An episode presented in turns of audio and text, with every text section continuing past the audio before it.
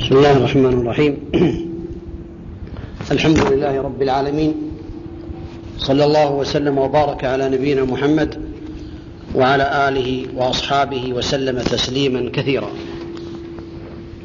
أيها الإخوة لا شك أن المسلم يجب عليه أن يمتثل لأمر الله تعالى وامر النبي عليه الصلاة والسلام. شك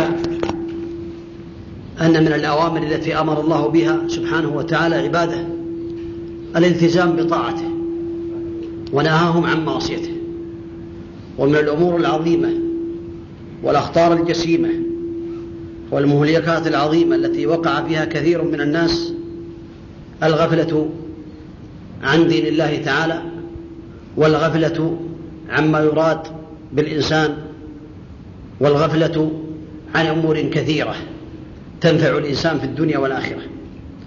والغفلة مرض خطير يقع فيه الإنسان من أمراض القلوب. وربما بعضهم يكون مريض القلب وقد أصيب بالغفلة وهو لا يشعر بذلك. وهذا أخطر. نسأل الله العفو والعافية. فكثير من الناس عنده غفلة عن دين الله وغفلة عن الموت وغفلة عن منكر ونكير وغفلة عن عذاب القبر ونعيمه وغفلة عن حياة الحياة البرزخية التي يعيش فيها الناس بعد موتهم إلى قيام الساعة حتى يبعثوا وغفلة عن خروجهم من قبورهم عراة حفاة غرلا إلى الموقف وغفلة عن وقوفهم بين يدي الله تعالى. كما بين الله ذلك وبينه النبي عليه الصلاة والسلام أن الناس يعرقون في الموقف. منهم من يعرق إلى كعبيه ومنهم من يعرق إلى ركبتيه ومنهم من يعرق إلى حقويه ومنهم من يعرق إلى ترقوتيه ومنهم من يلجمه العرق إلجاما. في يوم مقدار كان مقداره خمسين ألف سنة كما بين الله تعالى وبين النبي صلوات الله وسلامه عليه. غفلة عن حوض النبي عليه الصلاة والسلام في عرصات القيامة وعدم العلم بهذا الحوض العظيم وأن كثيرا من الناس أو بعض الناس يذادون عن حوض النبي عليه الصلاة والسلام ولا يريدونه. طوله شهر وعرضه شهر ماؤه أحلى من العسل وأبيض من اللبن ريحه أطيب من ريح المسك. كيزانه أي آنيته عدد نجوم السماء من شرب منه شربة لا يظمأ بعدها أبدا. ومع ذلك يأتي بعض الناس للورود لهذا الحوض حوض النبي عليه الصلاة والسلام. فتذودهم الملائكة وتردهم. فيقول النبي عليه الصلاة والسلام أصحابي أصحابي أو أمتي أمتي. فيقولون إنك لا تدري ما أحدثوا بعدك. فيقول سحقا لمن غير بعدي وبدل سحقا له ثم سحقا أو كما قال النبي عليه الصلاة والسلام. غفلة عن الميزان وغفلة عن تطاير الصحف وغفلة عن المرور على الصراط. يمر الناس على الصراط على حسب أعمالهم. منهم من يمر كالبرق. ومنهم من يمر كالريح بل منهم من يمر كلمح البصر ومنهم من يعدو عدوى ومنهم من يمشي مشيا ومنهم من يزحف زحفا ومنهم من تخطفه الكلاليب ويسقط في جهنم أسأل الله لي ولكم العفو والعافية. غفلة عن الجنة وعن النار غفلة عظيمة. ولا شك أن الله تعالى قد بين ذلك في كتابه وبينه النبي عليه الصلاة والسلام إبلاغا للناس وتعليما للناس وترغيبا للناس وتحذيرا للناس حتى ينتبهوا من هذه الغفلة التي هي كما ذكر العلم هي لها معنى وهي مصدر غفل يغفل غفولا وتركه وسعى عنه وهي كذلك في الاصطلاح قيل متابعة النفس على ما تشتهيه وتضييع الوقت والوقوع فيما لا يحبه الله تعالى ولا يرضاه. ولا شك أن الغفلة بينه وبين النسيان فرق. النسيان لا يؤاخذ عليه الإنسان. لأن النبي عليه الصلاة والسلام قال عفي لأمتي أو إن الله تجاوز لي عن أمتي الخطأ والنسيان وما استكره عليه. أما الغفلة فهي ترك باختيار العبد ترك باختياره. وهذا يدل على أن الغفلة هي ترك بالاختيار. إعراضا عن دين الله إعراضا عن طاعة الله تغافلا عن طاعة الله وعما ينفع الإنسان هذا يدل عليها. وخطرها عظيم خطر الغفلة على الإنسان عظيم. ولهذا بينها الله تعالى في كتابه وبينها النبي صلوات الله وسلامه عليه. فقال الله تعالى عن سبب إهلاك قوم فرعون لهم سبب. السبب الغفلة والتكذيب. فأغرقهم الله تعالى لأنهم غفلوا عن ذكر الله غفلوا عن طاعة الله غفلوا عن الآخرة. قال الله تعالى فلما كشفنا عنهم الرجز إلى أجل هم بالغوه إذا هم ينكثون فانتقمنا منهم فأغرقناهم في اليم بأنهم كذبوا بآياتنا وكانوا عنها غافلين. الغفلة من أسباب الصرف عن طاعة الله وعن الهدى وعن الخير إلى الشر لأن الله عز وجل قال فلما زاغوا أزاغ الله قلوبهم والله لا يهدي القوم الظالمين والله لا يهدي القوم الفاسقين. فلا شك أن الغفلة هي من أسباب الهلاك. ولهذا قال سأصرف عن آياتي الذين يتكبرون في الأرض بغير الحق. وإن يروا سبيل الغي يتخذوه سبيلا وإن يروا سبيل الرشد لا يتخذوه سبيلا. ذلك بأنهم كذبوا بآياتنا وكانوا عنها غافلين. والله تعالى قال أمر النبي عليه الصلاة والسلام أن يذكر ربه في نفسه. قال واذكر ربك في نفسك واذكر ربك في نفسك تضرعا وخيفة ودون الجهر. بالغدو والأصل ولا تكن من الغافلين. نهاه أن يكون من الغافلين عليه الصلاة والسلام. وبين الله تعالى أن من أسباب دخول النار وقوع الناس في الغفلة. فقال سبحانه إن الذين لا يرجون لقاءنا ورضوا بالحياة الدنيا واطمأنوا بها والذين هم عن آياتنا غافلون أولئك مأواهم النار بما كانوا يكسبون. قال سبحانه من كفر بالله من بعد إيمانه إلا من أكره وقلبه مطمئن بالإيمان. ولكن من شرح بالكفر صدرا صدرا فعليهم غضب من الله ولهم عذاب عظيم. بين الله تعالى أن من أسباب هذا أنه يحصل لهم العذاب العظيم كما بين الله تعالى ذلك. ذلك بأنهم استحبوا الحياة الدنيا. ذلك بأنهم استحبوا الحياة الدنيا على الآخرة وأن الله لا يهدي القوم الكافرين. أولئك الذين طبع الله على قلوبهم وسمعهم وأبصارهم ثم بين سبحانه وتعالى قال وأولئك هم الغافلون. لا جرم أنهم في الآخرة هم الأخسرون خاسرون. إذا بين الله تعالى بأن هؤلاء كانوا غافلين عن طاعة الله تعالى. وأمر الله تعالى النبي عليه الصلاة والسلام فقال واصبر نفسك مع الذين يدعون ربهم بالغداة والعشي. يريدون وجهه ولا تعدو عيناك عنهم. تريد زينة الحياة الدنيا. ولا تطع من أغفلنا قلبه عن ذكرنا واتبع هواه وكان أمره فرطا هذا يدل على عظم الأمر وأن كثيرا من الناس غافلين كما بين الله تعالى ذلك في كتابه وبينه النبي عليه الصلاة والسلام. ولا شك أن الغافل أعوذ بالله وإياكم وجميع المؤمنين من الغفلة يندب يوم القيامة ويخسر يوم القيامة وتصيبه الحسرات والندم يوم القيامة كما قال الله تعالى وأنذرهم يوم الحسرة إذ قضي الأمر وهم في غفلة وهم لا يؤمنون. إنا نحن نرث الأرض ومن عليها وإلينا يرجعون. فبين الله تعالى أنه يوم الحسرة يوم القيامة. حسرة للغافلين حسرة للمعرضين عن طاعة الله تعالى. ولهذا بين النبي عليه الصلاة والسلام أن من أسباب هذه الحسرة أن الموت يذبح بين الجنة والنار كما قال النبي عليه الصلاة والسلام. يؤتى بالموت فيذبح بين الجنة والنار. ويقال يا أهل الجنة هل عرفتم هذا؟ ويا أهل النار هل عرفتم هذا؟ فيقول نعم هذا الموت. فيذبح بين الجنة والنار. ويقال يا أهل الجنة خلود فلا موت. ويا أهل النار خلود فلا موت. فيزداد أهل الجنة فرحا إلى فرحهم.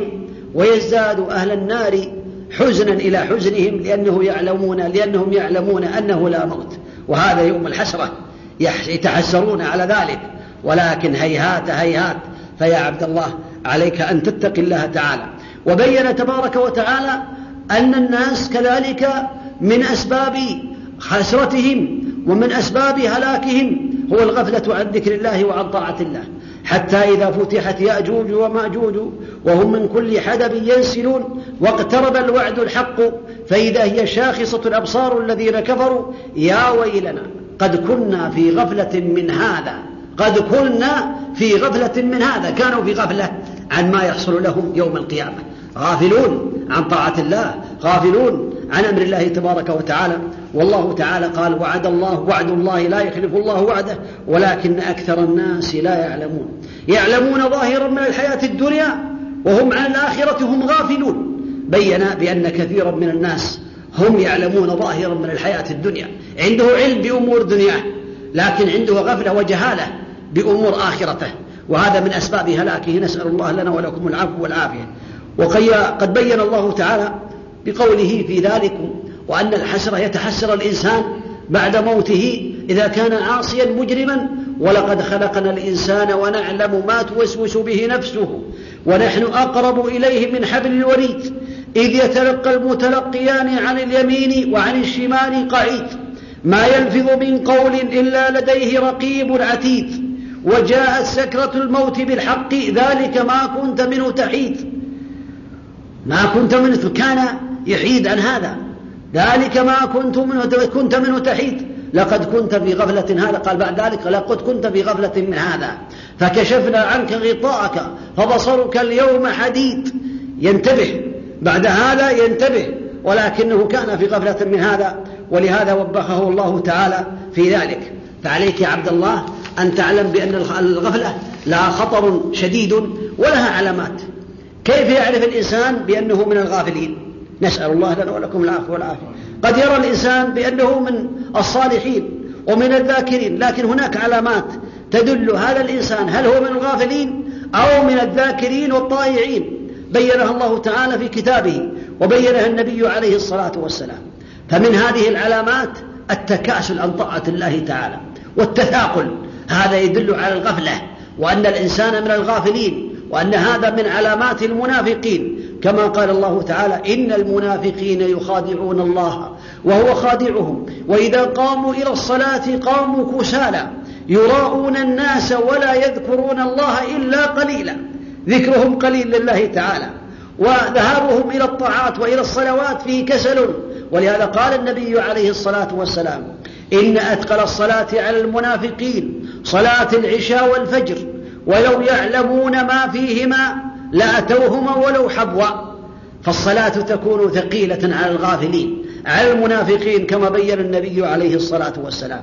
ومن هذه العلامات ما بينه عبد الله بن مسعود كما جاء في البخاري إن المؤمن يرى ذنوبه كأنها جبل على رأسه يخشى أن يسقط عليه. وإن الفاجر يرى ذنوبه كأنها ذباب على وجهه أو على أنفه يقول بي هكذا هذا من علامات الغفلة.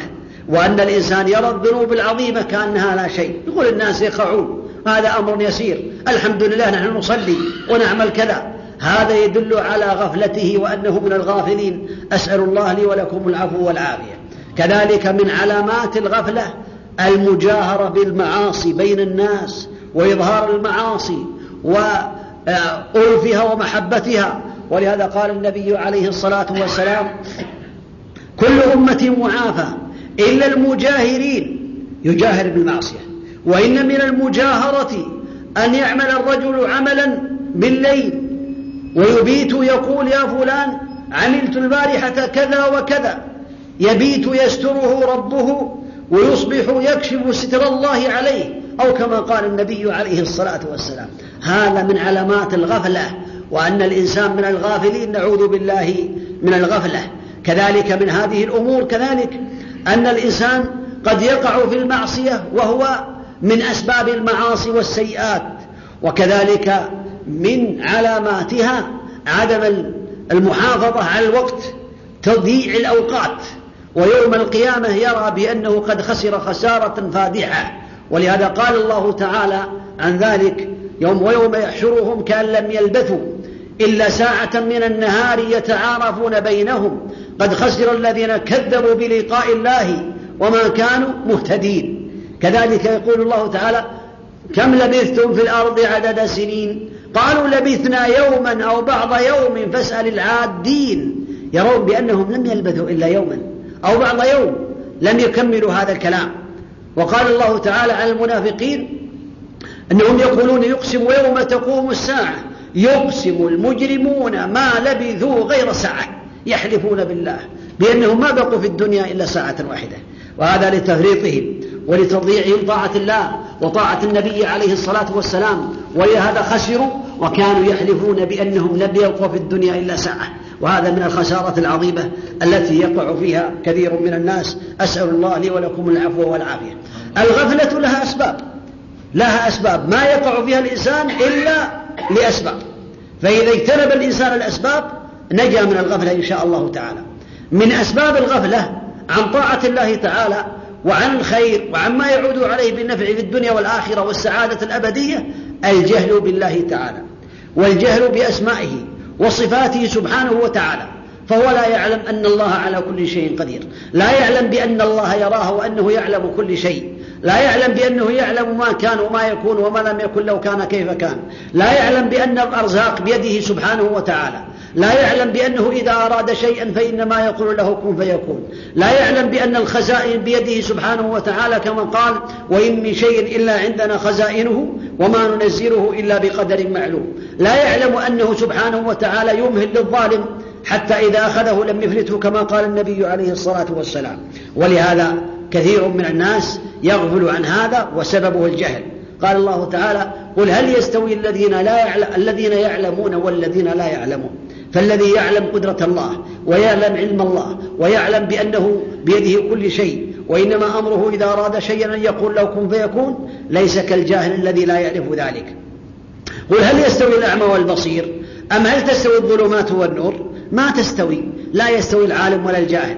كذلك من أسباب الغفلة المعاصي الوقوع في المعاصي. كما قال الله تعالى كلا بران على قلوبهم ما كانوا يكسبون. كلا إنهم عن ربهم يومئذ محجوبون. فمن أسباب الغفلة عن طاعة الله وعما يعود على الإنسان بالسعادة في الدنيا والآخرة المعاصي غطت على قلبه نسأل الله لنا ولكم العافية. فهو لا يرى الحق حقا ولا يرى الباطل باطلا لأنه وقع فيما حرم الله تعالى كما بين الله تعالى ذلك. كذلك من أعظم أسباب الغفلة الإعراض عن طاعة الله وعن دين الله والإعراض ذنب عظيم قد يصل إلى الكفر وقد يكون كبيرة من الكبائر قد يكون من الذنوب العظيمة على حسب حاله. والله تعالى قد بين اقترب للناس حسابهم وهم في غفلة معرضون. ما يأتيهم من ذكر من ربهم محدث إلا استمعوه وهم يلعبون لاهية قلوبهم. قال الله تعالى أفرأيت من اتخذ إله هواه وأضله الله على علم وختم على سمعه وقلبه وجعل على بصره غشاوة فمن يهديه من بعد الله؟ أسأل الله لي ولكم العفو والعافية في الدنيا والآخرة. فإذا أغلق الله أسباب الهداية أسباب الهداية السمع والبصر والقلب إذا ختم على سمعه وقلبه وجعل على بصره غشاوة فأنى له الهداية فمن يهديه من بعد الله؟ فيا عبد الله عليك أن تعلم ذلك وعليك أن تسأل الله التوفيق والعفو والعافية وفي الدنيا والآخرة. ولهذا قال النبي عليه الصلاة والسلام في من أعرض عن الحلقات العلمية والذكر دخل ثلاثة على النبي عليه الصلاة والسلام فأما أحدهم فآوى ودخل في الحلقة وأما الآخر فاستحيا وجلس خلف الناس وأما الثالث فخرج من المسجد. فقال ألا أخبركم عن الثلاثة النفر؟ أما أحدهم فآوى فآواه الله.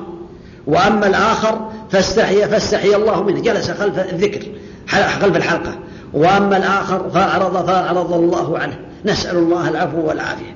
فكثير من الناس لمن عصم الله يعرضون عن حلقات العلمية وعن ذكر الله تعالى وهذا من أسباب غفلتهم. ومن أسباب خسارتهم. ولهذا والله أعلم قال الله تعالى على المنافقين لأنهم كانوا من المعرضين ومنهم من يستمع إليك. حتى إذا خرجوا من عندك قالوا للذين أوتوا العلم ماذا قال آنفا؟ أولئك الذين طبع الله على قلوبهم واتبعوا أهواءهم. يحضرون الحلقات مع النبي عليه الصلاة والسلام والخطب والمواعظ لكنهم لا يفهمون لا يفقهون. قد غطي على قلوبهم. ختم على أبصارهم وجعل عليها غشاوة فهم لا يرون ولا يسمعون ولا يستفيدون ولا يفقهون فيسألون ومنهم من يستمع إليك. حتى إذا خرجوا من عندك قالوا للذين أوتوا العلم للذين يفهمون كلام النبي عليه الصلاة والسلام. ماذا قال آنفا؟ ينسون ما يدرون ماذا قال النبي عليه الصلاة والسلام. قال الله تعالى أولئك الذين طبع الله على قلوبهم واتبعوا أهواءهم. أسأل الله لي ولكم العفو والعافية في الدنيا والآخرة. والله تعالى يقول ومن أظلم ممن ذكر بآيات ربي ثم أعرض عنها. إنا من المجرمين منتقمون. من أسباب الغفلة صحبة الغافلين والسير مع الغافلين ومراقبة رفقاء السوء. فإن هذا من أسباب الغفلة. ويوم يعض الظالم على يديه يقول يا ليتني اتخذت مع الرسول سبيلا. يا ويلتى ليتني لم اتخذ فلانا خليلا. لقد اضلني عن الذكر بعد إذ جاءني وكان الشيطان للإنسان خذولا. وقال النبي عليه الصلاة والسلام لا تصاحب إلا مؤمنا ولا يكون طعامك إلا تقي. فهذا يدل على أن الإنسان إذا صاحب الأشرار وصاحب الفساق وصاحب الغافلين يكون منهم. المرء على دين خليله فلينظر أحدكم من يخالل. كما قال النبي عليه الصلاة والسلام هذا يدل عن المرء لا تسأل عن المرء لا تسأل وسل عن قرينه فكل قرين بالمقارن يقتدي يقتدي بقرينه ويقع فيه والمراد أن الإنسان عليه أن يتقي الله تعالى وعليه أن يبتعد عن قرناء السوء وجلساء السوء حتى يتقي الله. لا تجد قوما يؤمنون بالله واليوم الآخر يوادون من حاد الله ورسوله ولو كانوا آباءهم أو أبناءهم أو إخوانهم أو عشيرتهم.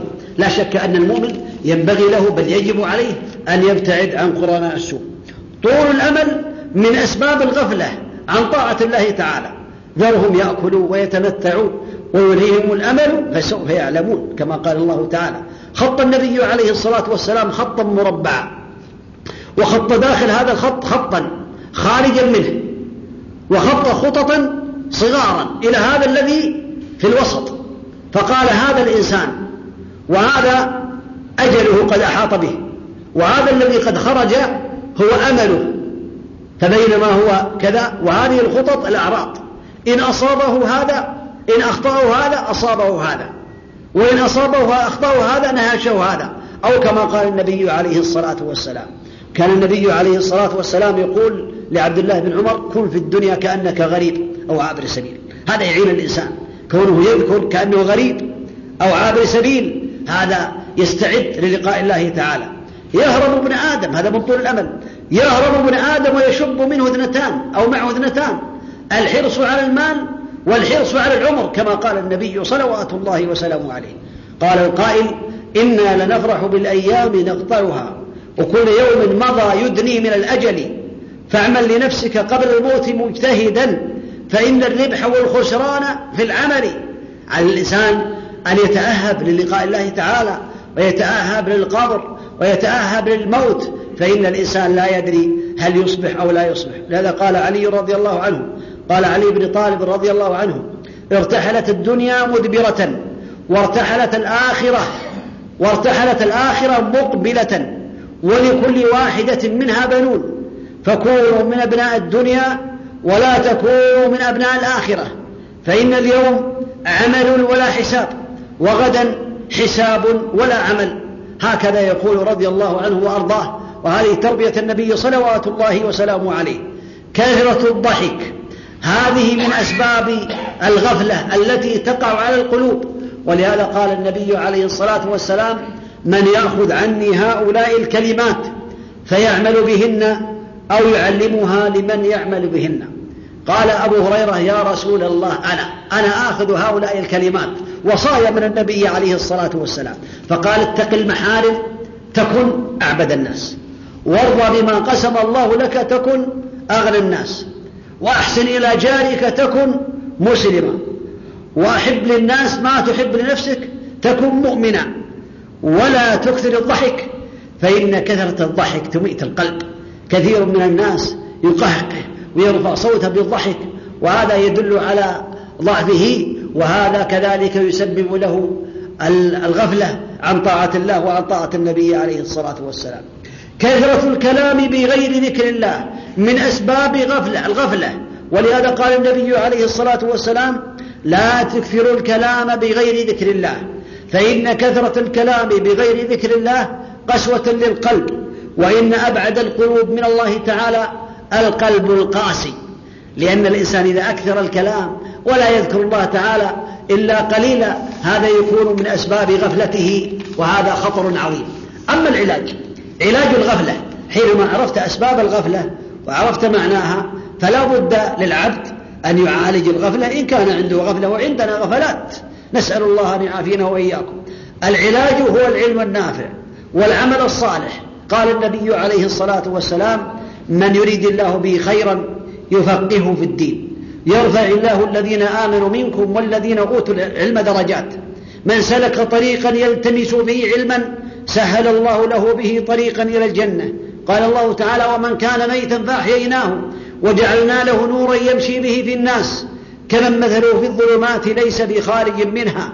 كذلك زين للكافرين ما كانوا يعملون. فلا شك أن العلم وحلقات العلم من أفضل ومن أنجع ومن أفيد العلاج الذي يستفيد الإنسان منه. كذلك بين النبي عليه الصلاة والسلام أن الدنيا كلها ملعونة إلا ذكر الله وما والاه وعالما أو متعلما. لا شك أن العمل من أجل القيام بالواجب ومن أجل النفقة على الأهل وعلى العيال والاستغناء عن الناس وإكرام الضيف هذا في طاعة الله تعالى. لكن قوله عليه الصلاة والسلام الدنيا ملعونة مذمومة إلا ذكر الله تعالى وما والاه أي ما كان في طاعة الله سواء كان من الدنيا أو من غيرها لأن الأعمال المباحة تكون طاعة لله تعالى بالنية. إذا حولها وأراد أن ابتغاء مرضات الله تعالى كان يثاب عليها كما بين ذلك أهل العلم. كذلك من العلاج ذكر الله تعالى على كل حال. فاذكروني أذكركم واشكروني ولا تكفرون. يا أيها الذين آمنوا اذكروا الله ذكرا كثيرا. وقال والذاكرين الله كثيرا والذاكرات. أعد الله لهم مغفرة وأجرا عظيما. هذا من أسباب علاج الغفلة ومن أسباب السلام منها. واذكر ربك في نفسك تضرعا وخيفة. ودون الجهر بالغدو والأصال ولا تكن من الغافلين. ألا أنبئكم يقول النبي عليه الصلاة والسلام ألا أنبئكم بخير أعمالكم وأزكاها عند مليككم وأرفعها في درجاتكم وخير لكم من إنفاق الذهب والورق وخير لكم من أن تلقوا عدوكم فتضربوا أعناقهم. ويضرب أعناقكم. قالوا بلى يا رسول الله. قال ذكر الله تعالى. أو كما قال النبي عليه الصلاة والسلام. وجاء رجل إلى النبي عليه الصلاة والسلام. فقال يا رسول الله إن شرائع الإسلام قد كثرت علي فأخبرني بشيء أتشبث به. فقال النبي عليه الصلاة والسلام لا يزال لسانك رطبا من ذكر الله تعالى. هذا يدل على أن ذكر الله تعالى باللسان وبالقلب وبالحال يكون من أسباب علاج الغفلة. والله تعالى يقول في الحديث القدسي أنا عند ظن عبدي بي. الله عند حسن ظنك. أنا عند ظن عبدي بي. وأنا معه إذا ذكرني. فإن ذكرني في نفسه ذكرته بنفسي. وإن ذكرني في ملأ ذكرته في ملأ خير منهم. وإن تقرب إلي شبرا تقربت إليه ذراعا. وإن تقرب إلي ذراعا تقربت إليه باعا. وإن أتاني يمشي أتيته هرولة. هذا يدل على أن الإنسان إذا ذكر الله تعالى وفقه الله للخير وأعانه وشرح صدره وغفر ذنبه وأزال عنه الغفلة لأنه ذكر الله تعالى كما بين النبي عليه الصلاة والسلام. ومجالس الذكر من أعظم العلاج للغفلات. ولهذا بين النبي عليه الصلاة والسلام بأنها رياض الجنة. قال إذا مررت برياض إذا مررتم برياض الجنة فارتعوا. قالوا وما رياض الجنة يا رسول الله؟ قال حلق الذكر حلق المحاضرات الدروس المواعظ الخطب إذا حاضرها حضرها الإنسان واستفاد منها فهذه من رياض الجنة لأنها تكون من أسباب دخول الجنة.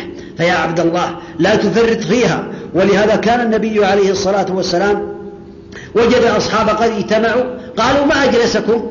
قالوا جلسنا نذكر الله تعالى ونثني عليه. على ما من به علينا من الإسلام أو كما قالوا رضي الله عنهم. قال آه الله ما أجلسكم إلا ذاك؟ قالوا آه الله ما أجلسنا إلا ذاك.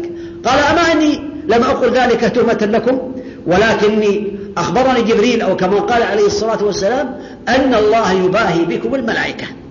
فحلقات العلم الملائكة يباهون بهم يباهون يا الله يباهي بهم الملائكة يذكرهم الله تعالى ويثني عليهم. ولهذا بين النبي عليه الصلاة والسلام في الحديث الذي رواه البخاري أن لله ملائكة سياحين يلتمسون حلقات العلم حتى إذا وجدوا بغيتهم حفوها بأجنحتهم ويسألهم الله تعالى وهو أعلم فيقولون وجدنا عبادك يذكرونك ويسبحونك ويهللونك يذكرون الله تعالى فيقول سبحانه وتعالى يسألهم مما يستعيذون قالوا يستعيذون من النار.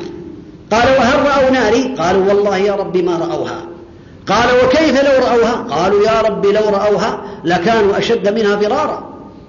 قال وماذا يسألون؟ قال يسألونك الجنة. قالوا وهل رأوا جنتي؟ قالوا والله يا رب ما رأوها. قال كيف لو رأوها؟ قالوا لو رأوها لكان أشد لكانوا أشد لها طلبا. فيقول الله تعالى أشهدكم بأني قد غفرت لهم. هذا من فضل الله تعالى على حلقات العلم. أشهدكم بأني قد غفرت لهم فيقول بعض الملائكة يا ربي فيهم فلان ليس منهم إنما جالي حاجة. فيقول الله تعالى وله غفرت. هم القوم لا يشقى بهم جليسهم. اللهم تجعلنا من القوم الذي لا يشقى بهم جليسهم. إنك على كل شيء والله نعمة. من أعظم النعم أن الإنسان يحضر حلقات علمية وقد تاب من الذنوب الكبائر ثم يغفر الله له سبحانه وتعالى بهذا حتى لو كان له حاجة.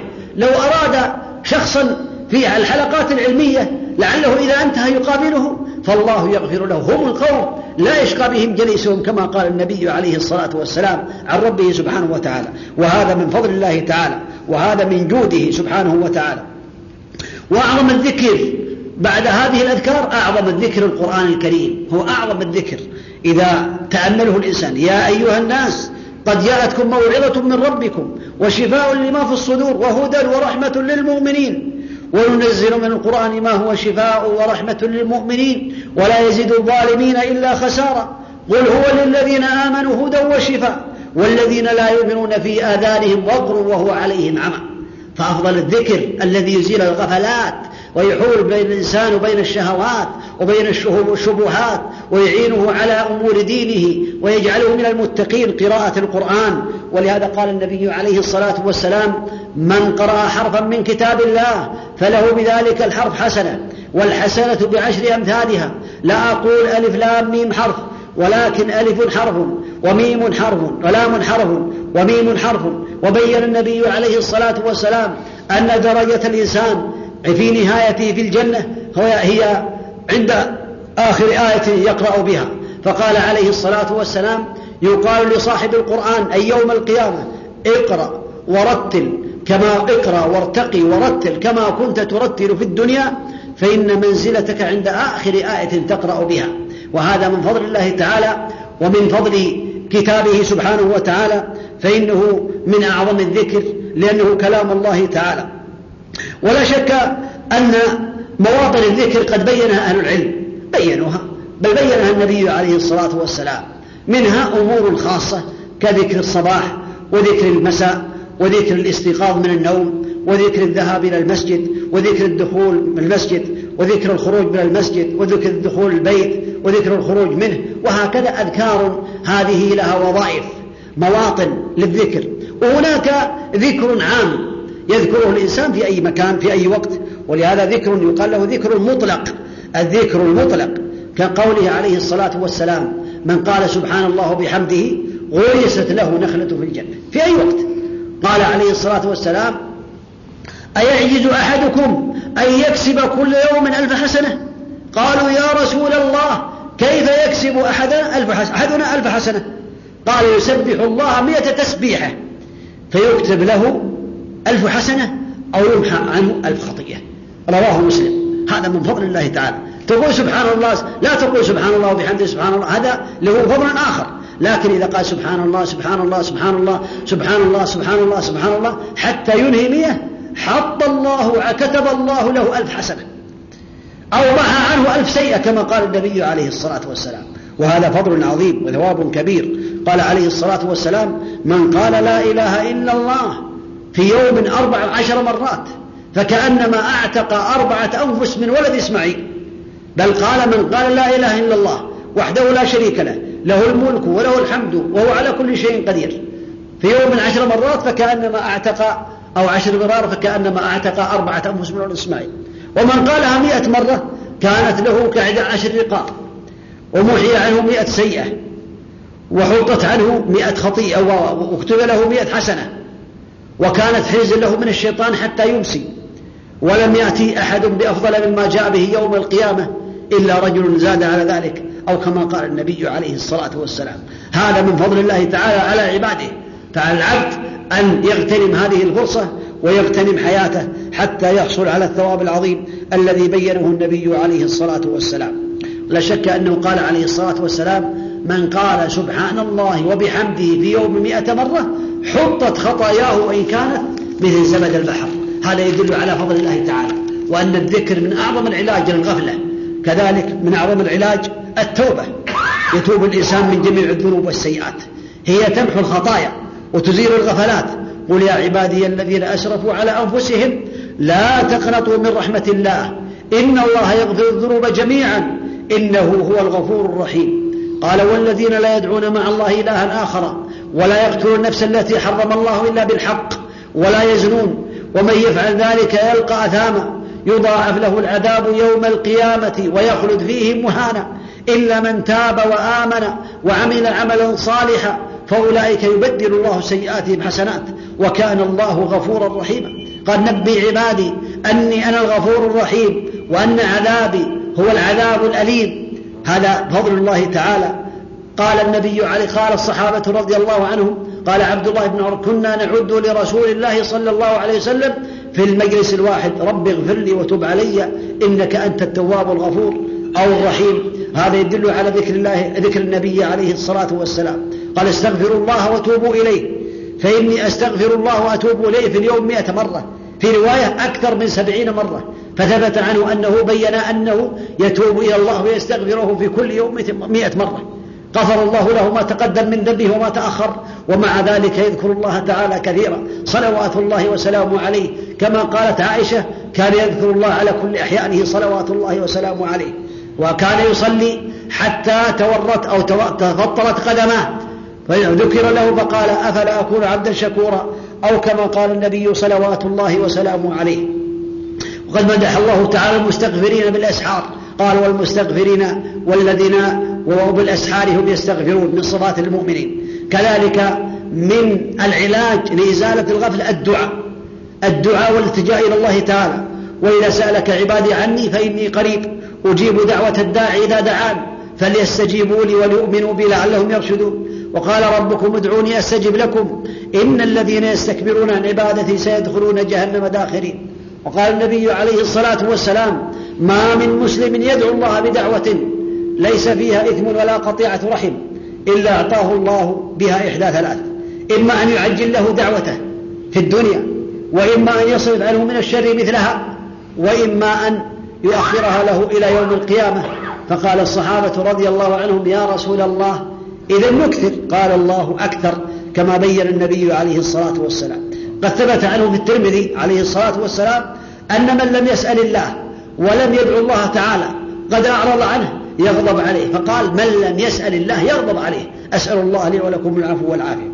كذلك من أزالة الغفلات المحافظة على الصلوات مع جماعة المسلمين فإن النبي عليه الصلاة والسلام قد قال من حافظ على هؤلاء الصلوات المكتوبات لم يكتب من الغافلين أخرجه ابن خزيمة. وهذا يدل على أن من حافظ على الصلوات الخمس مع جماعة المسلمين الفجر والظهر والعصر والمغرب والعشاء خمس صلوات مع جماعة المسلمين لم يكتب من الغافلين. وثبت عنه عليه الصلاة والسلام أنه قال من صلى أربعين يوما من أدرى وهو يدرك تكبيرة الإحرام كتب له براءتان براءة من النار وبراءة من النفاق. هذا فضل عظيم.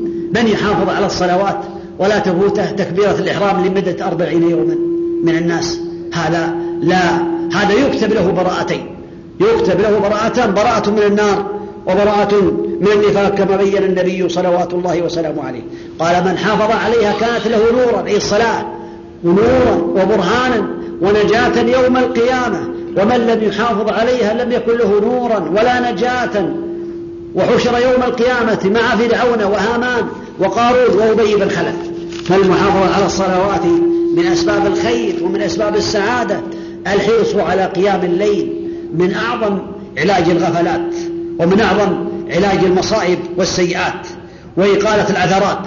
ولهذا يقول الله تعالى والذين يبيتون لربهم سجدا وقياما تتجافى جنوبهم عن المضاجع. في الآية الأخرى تتجافى جنوبهم عن المضاجع يدعون ربهم خوفا وطمعا ومما رزقناهم ينفقون. إن المتقين في جنات وعيون. آخذين ما آتاهم ربهم إنهم كانوا قبل ذلك محسنين. كانوا قليلا من الليل ما يهجعون وبالأسحار هم يستغفرون.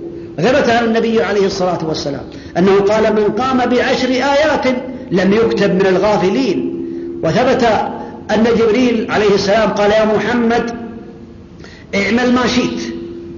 قال يا محمد عش ما شئت فإنك ميت. واحذر من شئت فإنك مهارقه واعمل ما شئت فإنك مجزي به. كل عمل تعمله فإنك تجزى به. واعلم أن شرف المؤمن قيام الليل وعزه استغناؤه عن الناس. هذا شرف المؤمن قيام الليل ولو ركعتين. والوتر. ولا هذا فضل عظيم. ما تيسر في الأسهار حينما ينزل الله تعالى يقول النبي عليه الصلاة والسلام ينزل ربنا حين يبقى ثلث الليل الآخر فيقول من يدعوني فأستجيب له. من يسألني فأعطيه. من يستغفرني فأغفر له. وهذا الحديث ثابت عن النبي عليه الصلاة والسلام. فلا يفوتك هذا الخير العظيم ولو قليل. ولو ركعتين والوتر. ولو تدعو دعاء. هذا يدل على أن الإنسان إذا حافظ على ذلك ولو بالقليل ولو باليسير فإنه يحصل على الثواب العظيم ويحصل على إجابة الدعوات وإقالة العثرات كذلك من العلاج للغفلات المراقبة لله تعالى في السر والعلن وتعلم بأنه يراك أينما كنت وتعلم بأنه لا يخفى عليه خافية. كذلك من علاج الغفلات. الزهد في الدنيا هو من أعظم العلاج كما قال الله تعالى أو قال النبي عليه الصلاة والسلام لأصحابه فوالله ما الفقر أخشى عليكم ولكن أخشى عليكم أن تبسط عليكم الدنيا كما بسطت على من كان قبلكم فتنافسوها كما تنافسوها فتهلككم كما أهلكتكم. وبين الله عز وجل أن الدنيا ما هي إلا كالماء الذي ينزل من السماء. إنما مثل الحياة الدنيا كما أنزلناه من السماء فاختلط به نبات الأرض مما يأكل الناس والأنعام حتى إذا أخذت الأرض زخرفها وزينت وظن أهلها أنهم قادرون عليها أتاها أمرنا ليلا أو نهارا فجعلناها حصيدا كأن لم تغن بالأمس. كذلك نفصل الآيات لقوم يتفكرون. وقال واضرب لهم مثل الحياة الدنيا كما أنزلناه من السماء فاختلط به نبات الأرض فاختلط به نبات الأرض. فأصبح هشيما تدروه الرياح وكان الله على شيء مقتدرا. قال اعلموا أنما الحياة الدنيا لعب ولهو وزينة وتفاخر بينكم وتكاثر في الأموال والأولاد كمثل غيث أعجب الكفار نباته ثم يهيج فتراه مصفرا ثم يكون حطاما. وفي الآخرة عذاب شديد ومغفرة من الله ورضوان وما الحياة الدنيا إلا متاع الغرور. فيا عبد الله عليك أن تتقي الله وعليك أن تراقب الله بل يجب علي وعليك وعلى كل مسلم أن يتقي الله ويسأل الله العفو والعافية. لهذا قال النبي عليه الصلاة والسلام في الدنيا لو كانت الدنيا تعدل عند الله جناح بعوضة ما سقى كافرا منها شربة ماء.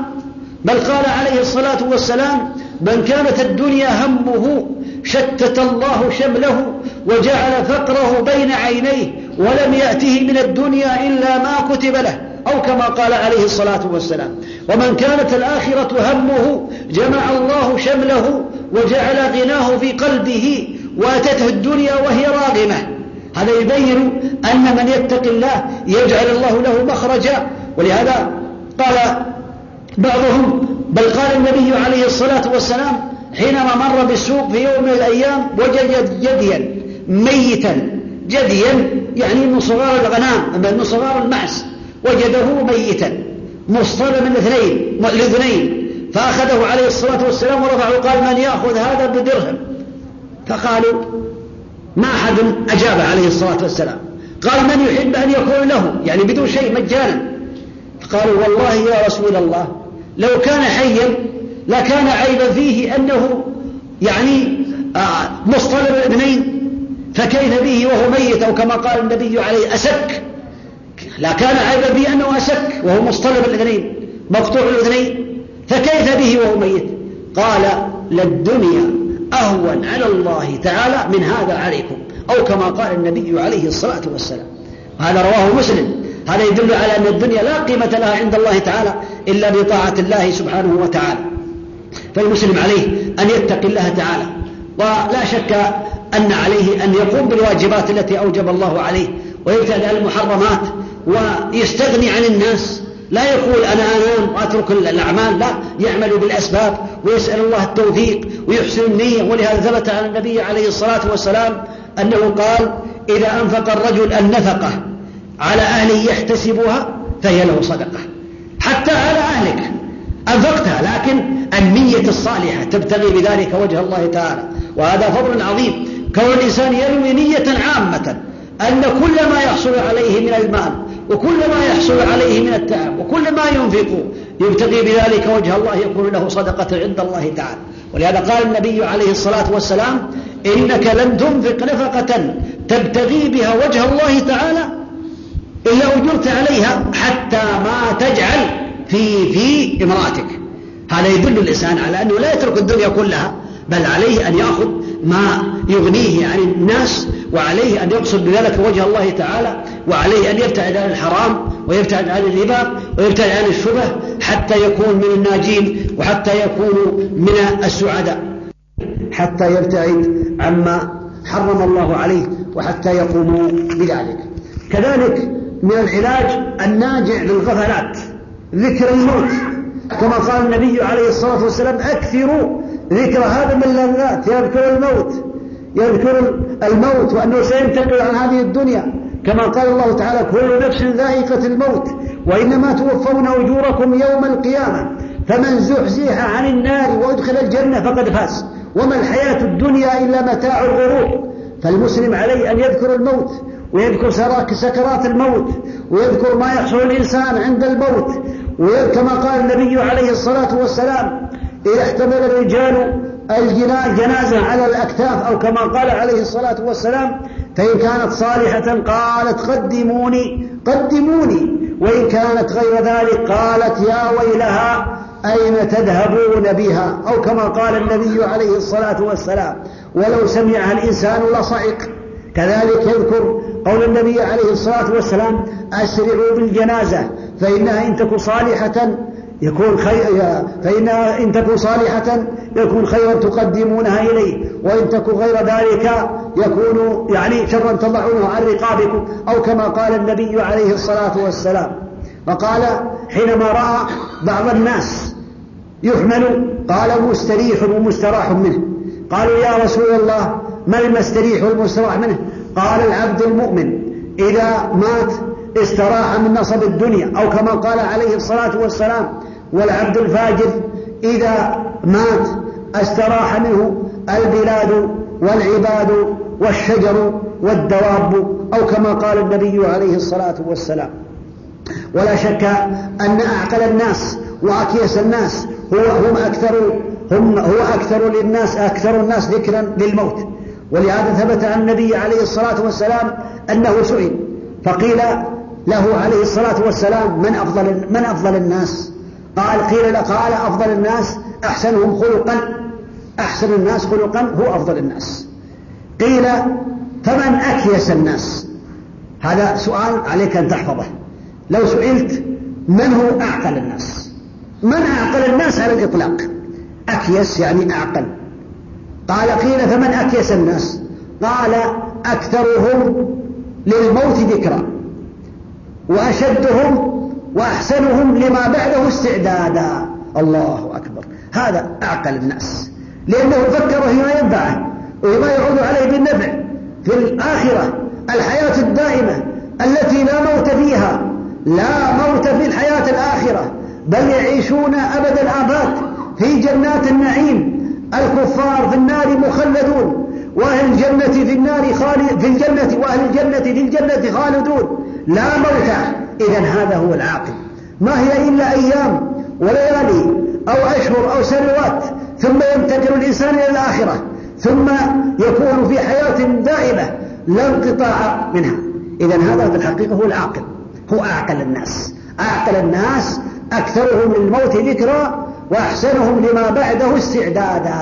ولهذا بين النبي عليه الصلاة والسلام حينما قال اذكروا هذه من اللذات جاء في بعض الروايات فإنه لا يكون في شيء إلا كثرة ولا يكون لا يكون في قليل إلا كثرة ولا يكون يذكر في كثير إلا قلله. والمعنى أنه إذا ذكر الموت وهو قد أصيب بالبلاء وأصيب بالابتلاء وأصيب بالأمراض أو أصيب بالفقر أو أصيب بشيء من الأمور تصبح هذه الأشياء عندها كان عنده كأنها لا شيء لأنه يعلم أنه يفارقها. وإذا ذكره صاحب السلطان وصاحب الجاه وصاحب الأموال وصاحب يعني الجماعة وصاحب يعني الأموال وغير ذلك كأنه كأنها لا شيء لأنه يعلم أن هذه الأمور ستفارقه.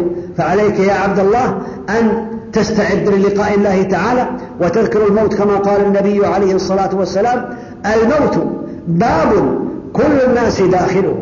يا ليت شعري فليت شعري بعد الباب ما الدار؟ قال الدار جنة خلد. إن عملت بما يرضي الله وإن فرطت فالنار.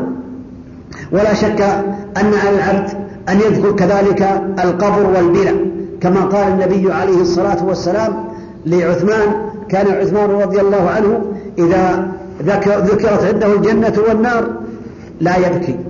وإذا ذكر عنده القبر يبكي رضي الله عنه وأرضاه.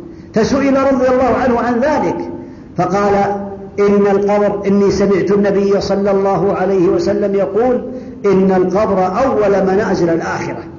فمن نجا منه نجا مما بعده ومن لم ينجو منه لم ينجو مما بعده أو كما قال النبي عليه الصلاة والسلام يكون ما بعده أيسر إن نجا وإن لم ينجو كان ما بعده أشق عليه. فعليك يا عبد الله أن تذكر هذاك القبر. تذكر القبر وظلماته على المجرمين والعاصين. تذكر القبر ونعيمه على المؤمنين الطائعين. تذكر بأن المؤمن يفسح له في قبره مد البصر ويفتح له باب إلى الجنة وباب إلى النار ويقال له انظر إلى مقعدك من النار. لو عصيت الله أبدلك الله به هذا. فيقول المؤمن ربي أقم الساعة. ربي أقم الساعة. يريد أن يذهب إلى النعيم الكامل. اذكر قول النبي عليه الصلاة والسلام نسمة المؤمن طائر يعلق في أشجار الجنة حتى يرجعها الله إلى جسدها يوم يبعثه. اذكر قول النبي عليه الصلاة والسلام في الحديث الآخر أن العصاة والمجرمين يعذبون في قبورهم كما قال النبي صلوات الله وسلامه عليه. على آل فرعون النار يعرضون عليها غدوا وعشيا ويوم تقوم الساعة أدخلوا آل فرعون أشد العذاب. اذكر بأن من أسباب عذاب القبر النميمة فإن النبي عليه الصلاة والسلام مر على قبري قبرين فقال عليه الصلاة والسلام إنهما يعذبان وما يعذبان في كبير أما أحدهما فكان يمشي بالنميمة وأما الآخر فكان لا يستتر من بوله اذكر قول النبي عليه الصلاة والسلام حينما عري به قال مررت بأناس معهم أظهار من حديد من, من نحاس من نحاس يخمشون بها وجوههم وصدورهم. فقلت من هؤلاء يا جبريل؟ قال هؤلاء الذين يأكلون لحوم الناس ويقعون في أعراضهم. اذكر هذا يا عبد الله حتى تتأهب. اذكر بقاءك في قبرك. إذا مت وتبقى إلى قيام الساعة أنت في نعيم. إن كنت من أهل الطاعة أو في غير ذلك إن كان البعيد من أهل المعصية أسأل الله لي ولكم العفو والعافية. اذكر ذلك حتى يلم قلبك. سل ربك التوفيق والسداد. أسأل الله الذي لا إله إلا هو بأسماء الحسنى وصفات العلى أن يجعلني وإياكم من الذين يستمعون القول فيتبعون أحسنه. إنه ولي ذلك هو القادر عليه وأن يرزقنا, وأن يرزقنا جميعا العلم النافع والعمل الصالح والتوفيق لما يحبه ويرضاه. وأن يثبتنا وإياكم على هداه ويجعل عملنا جميعا في رضاه. إنه ولي ذلك والقادر عليه. وصلى الله وسلم وبارك على نبينا محمد وعلى آله وأصحابه أجمعين.